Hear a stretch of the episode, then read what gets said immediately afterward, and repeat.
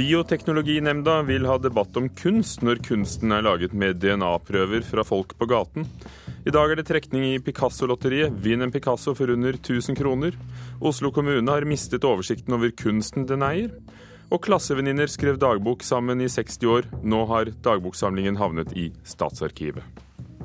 Jeg er veldig glad for det. Veldig glad. For det var der en nettopp hører hjemme.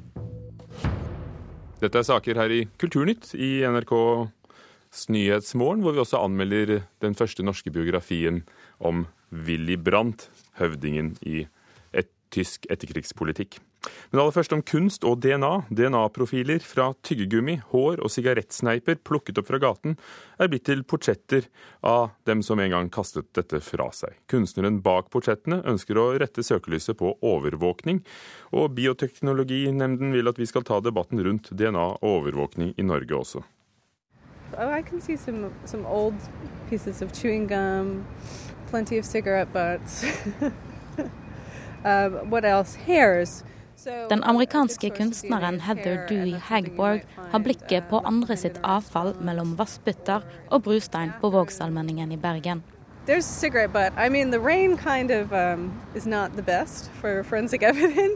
Har du tenkt over at den sneipen eller tyggisen du akkurat kasta fra deg på gata, kan fortelle en hel del om deg?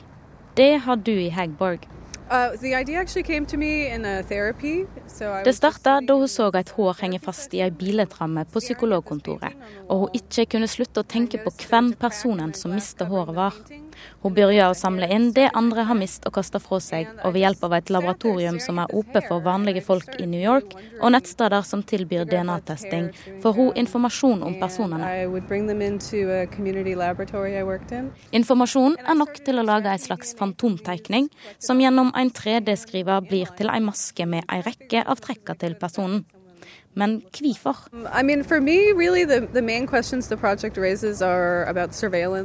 Det handler om overvåking. Vi prater mye om elektronisk overvåking, sier du i Hegborg, Men vi har ikke kommet helt i gang med debatten om genovervåking. Utstillinga hennes 'Stranger Visions', der maskene blir utstilte, har skapt diskusjon om genovervåking og etiske og juridiske sider ved det. Derfor har Bioteknologinemnda invitert henne til å snakke om prosjektet både i Bergen og Oslo denne veka.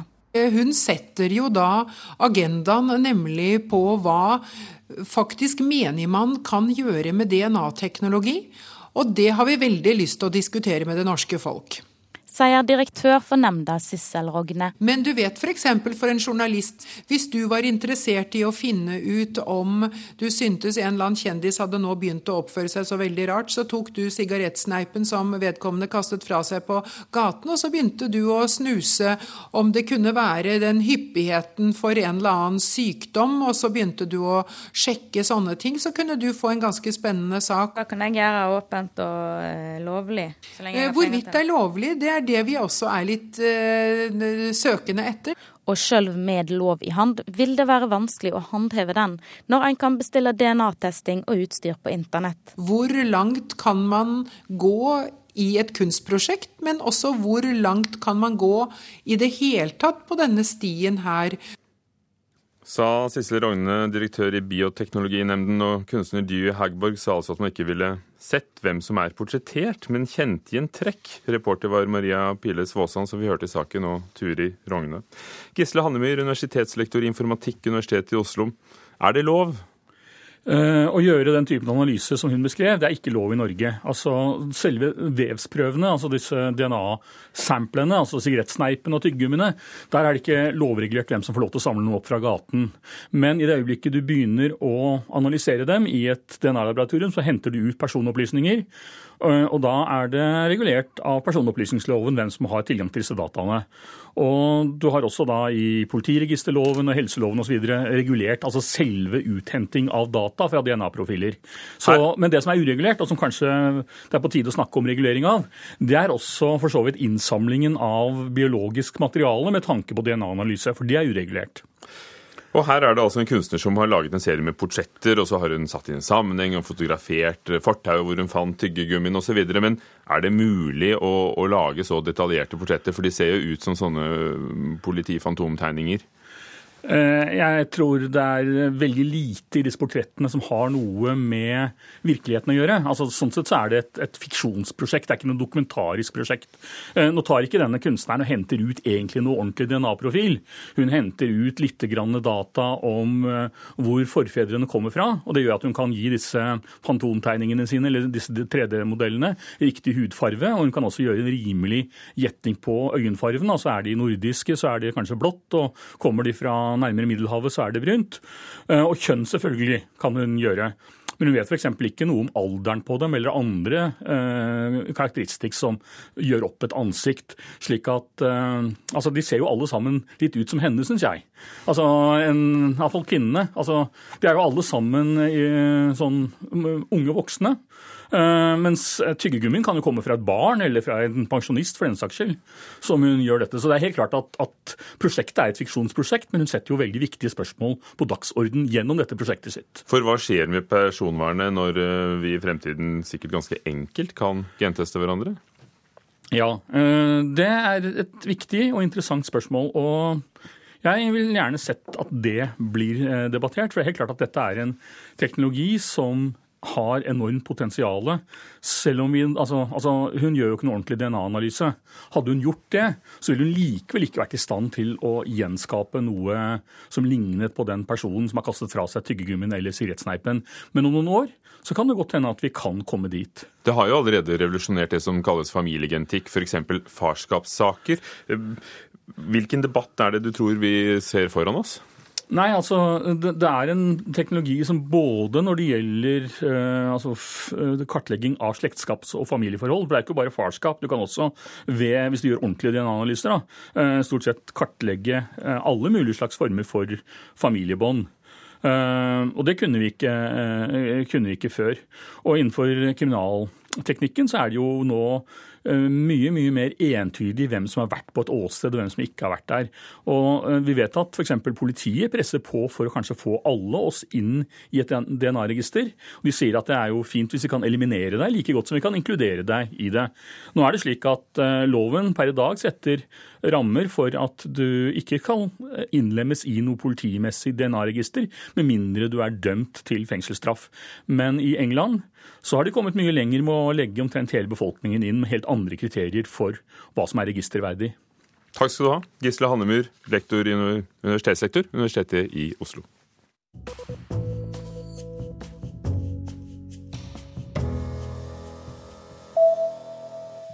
Regjeringen søker om å få fire historiske steder inn på Unescos verdensarvliste. Det er Vikingskipgravene i Vestfold, Kvernsteinsbruddene i Hyllestad i Sogn og Fjordene samt industribyene Rjukan og Notodden som nå er nominert til verdensarvlisten, skriver Aftenposten i dag.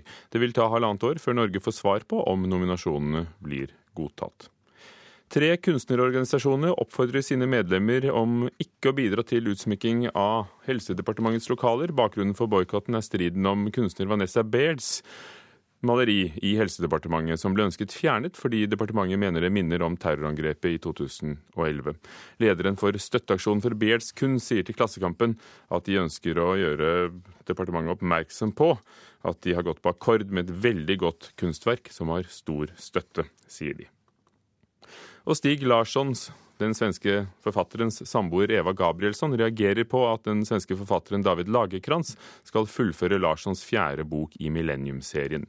I går ble det kjent at Lagerkrantz skal skrive ferdig boken, som Larsson selv aldri rakk å fullføre før han døde i 2004. David Lagerkrantz sier til Sveriges Radio at han har respekt for Gabrielssons reaksjon, men at Larssons romanfigurer er så gode at de fortjener et videre liv. Jeg kan bare säga så här at jeg tror at det här är ett bra sätt för att få hans karaktärer att leva. Lisbeth Salander och Mikael Blomkvist är så bra så de förtjänar ett långt liv. Alltså hade man inte fortsatt att till exempel James Bond eller Spiderman eller Superman eller Peter Pan via filmer så hade inte de här karaktärerna haft samma livskraft. Jag skulle se att det här är ett att hedra hans författarskap.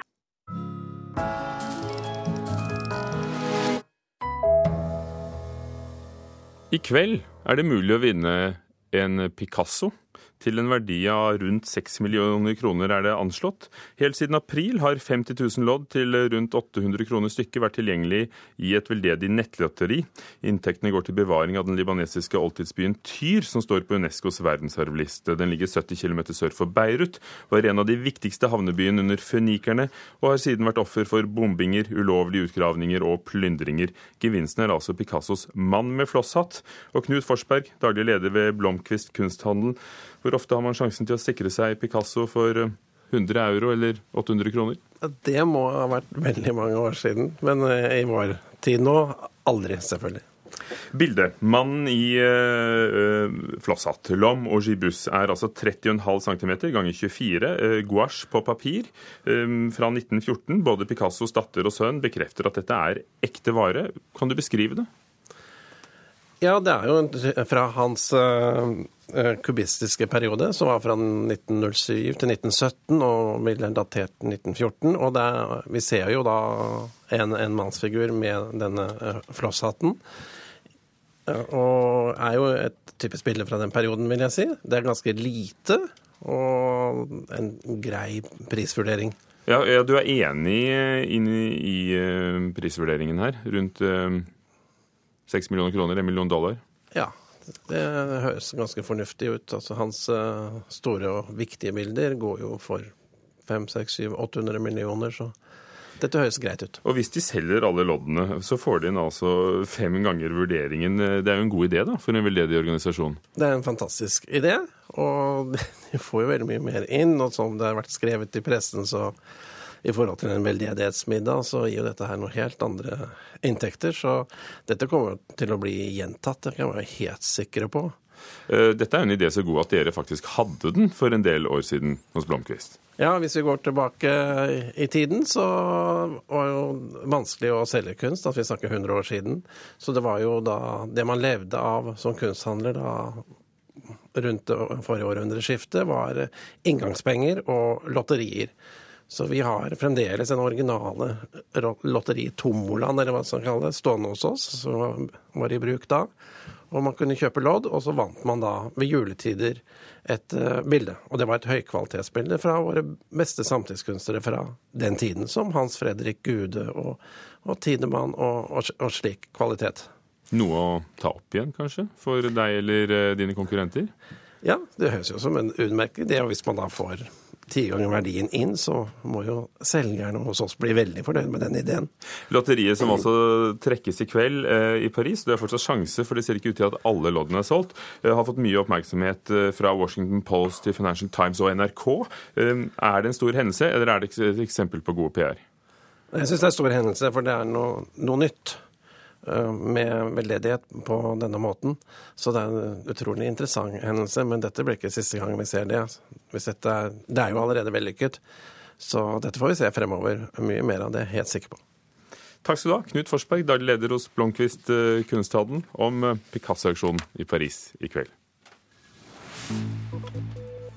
Klokken er allerede 16,5 minutt over åtte. Du hører på Nyhetsmorgen i NRK. Senterpartileder Liv Signe Navarsete får kraftig kritikk av sine egne i en rapport som vil komme i dag. Evakuerte i Nordland får ikke reise hjem ennå. Ingen vet omfanget av skadene etter eksplosjonen i Drevja i går. Mange pass forsvinner i posten, men politiet vil likevel ikke sende dem som verdipost. Og den første norske biografien om sosialdemokratenes høvding i Tyskland, Willy Brandt, er kommet. Vår kritiker har lest den. Vi hører om det senere i Kulturnytt. Ingen vet hvor det er blitt av mange av kunstverkene som Oslo kommune eier, viser en ny rapport fra kommunerevisjonen. Nesten 10% av de 18 000 kunstverkene kommunen har, er blitt borte gjennom årene. Kulturetaten varslet for fem år siden at den ville rydde opp i saken, men flere av disse tiltakene er ikke gjennomført. I går kveld behandlet kontrollutvalget i Oslo kommune rapporten som kommunerevisjonen har lagt fram. Vi syns jo at den rapporten kommunerevisjonen har lagt fram, eh, viser at eh, man ikke har god nok kontroll i kommunen på den eh, kunstmassen man besitter. Sier leder i kontrollutvalget Frode Jacobsen, som forklarer hvorfor det er viktig at kunsten må bli bedre ivaretatt. Oslo kommune har over 18 000 kunstverk utplassert, og det er positivt, det. Fordi vi ønsker at folk som besøker kommunen, enten det er i, på sykehjem, besøker bydeler eller andre kommunale virksomheter, eh, så vet vi at det å ha kunst på veggene, det gir et positivt eh, inntrykk. Men da er det dumt at man ikke har god nok oversikt. Det, det kan jo risikere at ting er borte uten at man vet det. Kulturbyråd i Oslo Halstein Bjerke var ikke byråd da den forrige rapporten ble lagt frem i 2008. Men det er nå viktig for han å få en oversikt over kunsten. Det vi gjør nå, er å innføre en eh, ordning som både gjør at vi kan kjøpe inn kunst systematisk og skikkelig når vi bygger nye offentlige bygg og det skapes nye offentlige parker og uterom, og at vi kan eh, forvalte og styrke konserveringen av de 18 000 kunstverkene vi har, det får vi til med den nye kunstordningen som vi har etablert i år. Kulturetaten lovet at de skulle rydde opp i saken for fem år siden, men det finnes fortsatt ikke en fullstendig oversikt. Direktør i Kulturetaten i Oslo kommune, Hilde Barstad, er fornøyd med at de har fått til noe siden sist. Jeg er først og fremst glad for at rapporten sier at det er positive ting å se i oppfølginga. Men det er klart et hovedpoeng er jo både at det er veldig mange eh, kunstverk som vi må holde oversikten over men òg det at vi har hatt litt begrensa ressurser til å følge det opp. Bjerke og Barstad er enige om når de nå skal klare å få en oversikt over kunsten. Målet er at vi innen to år skal ha fullstendig oversikt over all kunst eh, Oslo kommune eier. I kommunerevisjonens lokale på Helsfyr vedtok kontrollutvalget i går kveld det som står i rapporten.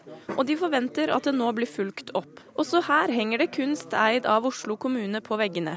Søren Sten Johnsen. Nei, Det er et, eh, et, kunstverk som kommunen eh, har fått i gave fra Enebakk kommune dette her da, til 900-årsjubileet 1950. Og denne kunsten er registrert? Den er registrert. Det vet du? Det har vi sjekka. Ganske sikker leder i kontrollutvalget Frode Jacobsen til vår reporter Kristine Amdam.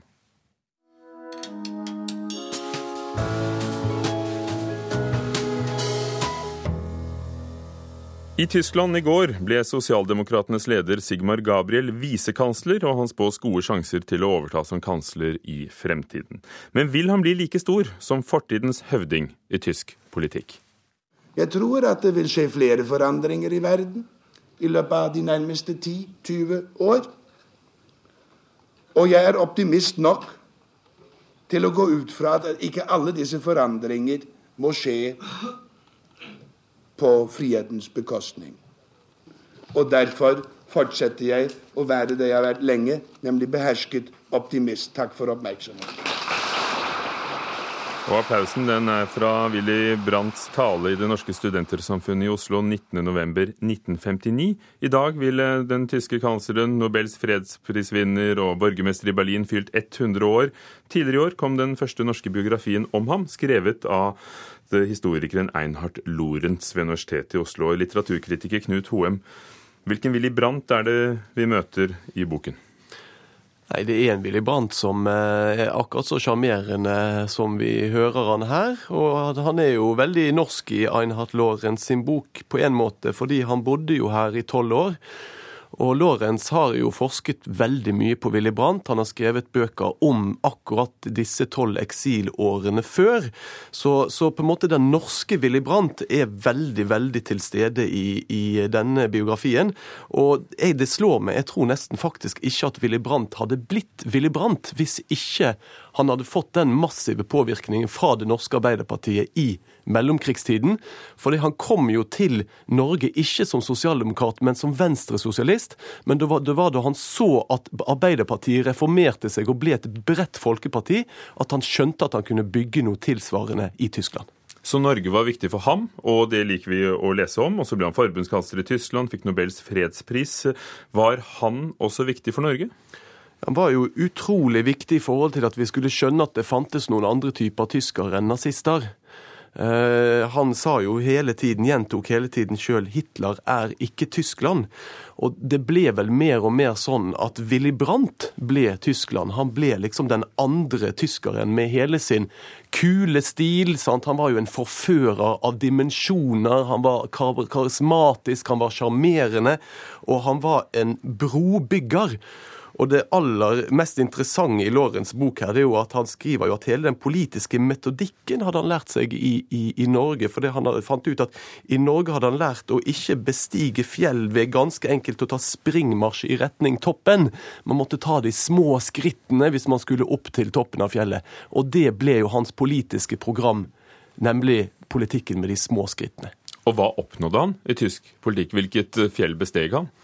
Nei, var, Det var jo han som på en måte sto for den store østpolitikken, nemlig å bygge ned motsetningene mellom DDR og, og eh, Vest-Tyskland. Så, så, det er klart at, Og han fikk jo fred, fredsprisen for dette arbeidet, så han er jo den store etterkrigskansleren. I hvert fall en av de to-tre store. Men i hvilken grad skapte dette splid i Vest-Tyskland? For det var jo mange krefter mot ham?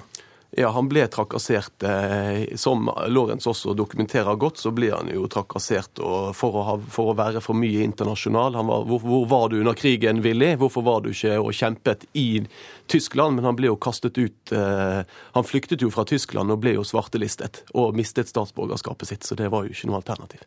Så dette var jo også kimen til mange av stridighetene i tysk politikk på 70-tallet, og, og det det sto om da? Det, det, det, var det. Eh, er dette den definitive biografien som nå er kommet om Willy Brandt, vil du si? Altså, Einhard Lorentz er det Boken heter det 'Et politisk liv'. På det politiske er Lorentz veldig etterrettelig. Han er veldig god. Han er ikke så opptatt av den private Willy Brandt. For der er det noen saftige historier? Der er det masse saftige historier. Han var en forfører.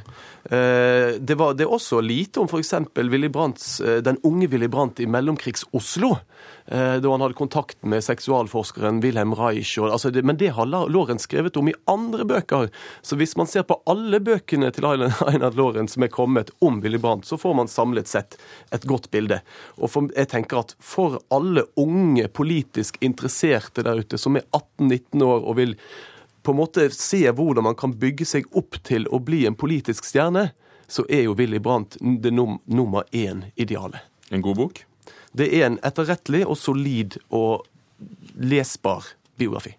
Takk skal du ha, Knut Hoem, som har lest Einart Lorentz' 'Willy Brandt et politisk liv'. Og vi fortsetter historisk her i Kulturnytt. På tampen av kvinneåret har Statsarkivet fått en enestående gave. En samling dagbøker skrevet gjennom 60 år. Av klassevenninner som gikk ut av Statens lærerinneskole på Stabekk i 1942, som holdt kontakten via dagbøker. Kom inn. Damen i andre enden er 96 år gamle Else Wold Dønnum. Ei av de 32 klassevenninnene som i 60 år skrev felles dagbok. Sju tettskrevne bøker om levd kvinneliv får nå sin plass i Statsarkivet. Jeg er veldig glad for det. For det var der en nettopp hører hjemme. Og seniorrådgiver ved Statsarkivet i Oslo, Jon Sandven, er minst like glad. Fordi det er et helt unikt uh, prosjekt. Jeg kjenner ikke til uh, noen andre sånn kollektive dagbøker. Og i hvert fall ingen som er skrevet over en så lang periode. Er du snill å tjene på lyset? Else disker opp med kaffe og smørbrød før hun tar plass i stolen og forteller om dagbokprosjektet som starta i 1943, etter tips fra en av lærerne ved Statens lærerinneskole for husstell. Det var stor stas hver gang boka dukket opp i posten. Det var det bare å pakke opp og sette seg ned. Det var jo, Hvis det var midt i middagen, så måtte en jo gjøre den ferdig. Ellers var det ingenting som hindret deg i å sluke den. Her er det en morsom kokebok. I 60 år vandret boka rundt i alfabetisk rekkefølge. I én uke kunne du ha den før du sendte den videre. Men det gikk ikke alltid av seg sjøl. Det var noen som satt på den i flere måneder. Og da ble det spørsmål. Da var det alltid noen som ringte og undersøkte. Men det var noen pådrivere da, skjønner jeg? Ja, uten tvil. Var du en av dem? Nei, Nei. det var en av de andre sein i vendinga. Hva skrev du ikke om? Vi skrev om arbeidet vårt og om familie. Og det hendte vel lett vi kunne være bortom politikk òg. Vi skrev det som å skrive til en venninne. Og det var jo litt moro å skrive òg. Og vi hadde jo bilder i den. Ja. Det her er på en måte norgeshistorie i miniatyr. Det følger disse kvinnene over en periode hvor det norske samfunnet har gjennomgått veldig store endringer. Både sånn teknologi, utdanningsmessig, eh, kvinners deltakelse i arbeidslivet. Vi følger det fra, fra krigen til gjenoppbygginga til det velferdssamfunnet som man har i dag. Og her er iPoden min. Se dama som har iPad, da. Den tekniske utviklinga i hjemmet står det mye om i bøkene. Else skriver i 1954 i et brev at 'jeg har nettopp fått vaskemaskin, jeg er veldig glad for den'. Der kom det tutende. Og glad er hun òg over den splitter nye Tassimo kaffemaskina hun har på kjøkkenet i dag. litt artig òg. Det fins jo arkiver fra kvinneorganisasjoner, f.eks. Sanitetskvinnene f.eks. Men det gir ikke det personlige perspektivet på samme måten, og over en så lang tid. Så det er, eh, sånn sett så er dette her helt unikt. Hele dagboksamlinga ble oppbevart i en kasse de kalte for Kjøttgryta. Den har fulgt med på flere flyttelass etter at skolen ble nedlagt. Men du, hvorfor fikk den navnet Kjøttgryta? Det vet jeg var jo nærmest litt ironisk, tenker jeg. Fem av klassevenninnene lever fortsatt. Og Else har sammen med Geia Børte fra Telemark vært opptatt av at historien skal tas vare på.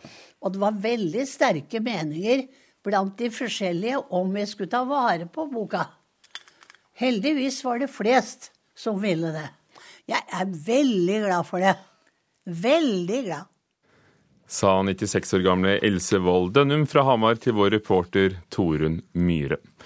Kulturnytt i kortformat. Bioteknologinemnda bruker kunsten for å skape debatt om DNA-tester og personvern. Oslo kommune mangler oversikt over 10% av sine 18 000 kunstverk, viser ny rapport fra kommunerevisjonen. Willy Brandt-biografien er, eh, om ikke den definitive, som en veldig etterrettelig bok om Willy Brandt som politiker og høvding i tysk eh, politikk. Det norrøne diktet 'Vålesbå' er blitt oversatt på nytt. Det handler om gudinner og fruktbarhet og norrøne fortellinger. og de to oversetterne og fortellerne kommer til Kulturnytt i ettermiddag klokken 16.30. Denne utgaven var ved teknisk ansvarlig Frode Thorshaug. Thomas Alversten Ove var produsent. Ugo Fermariello programleder. Klokken er straks halv ni, og du hører på Nyhetsmorgen i NRK.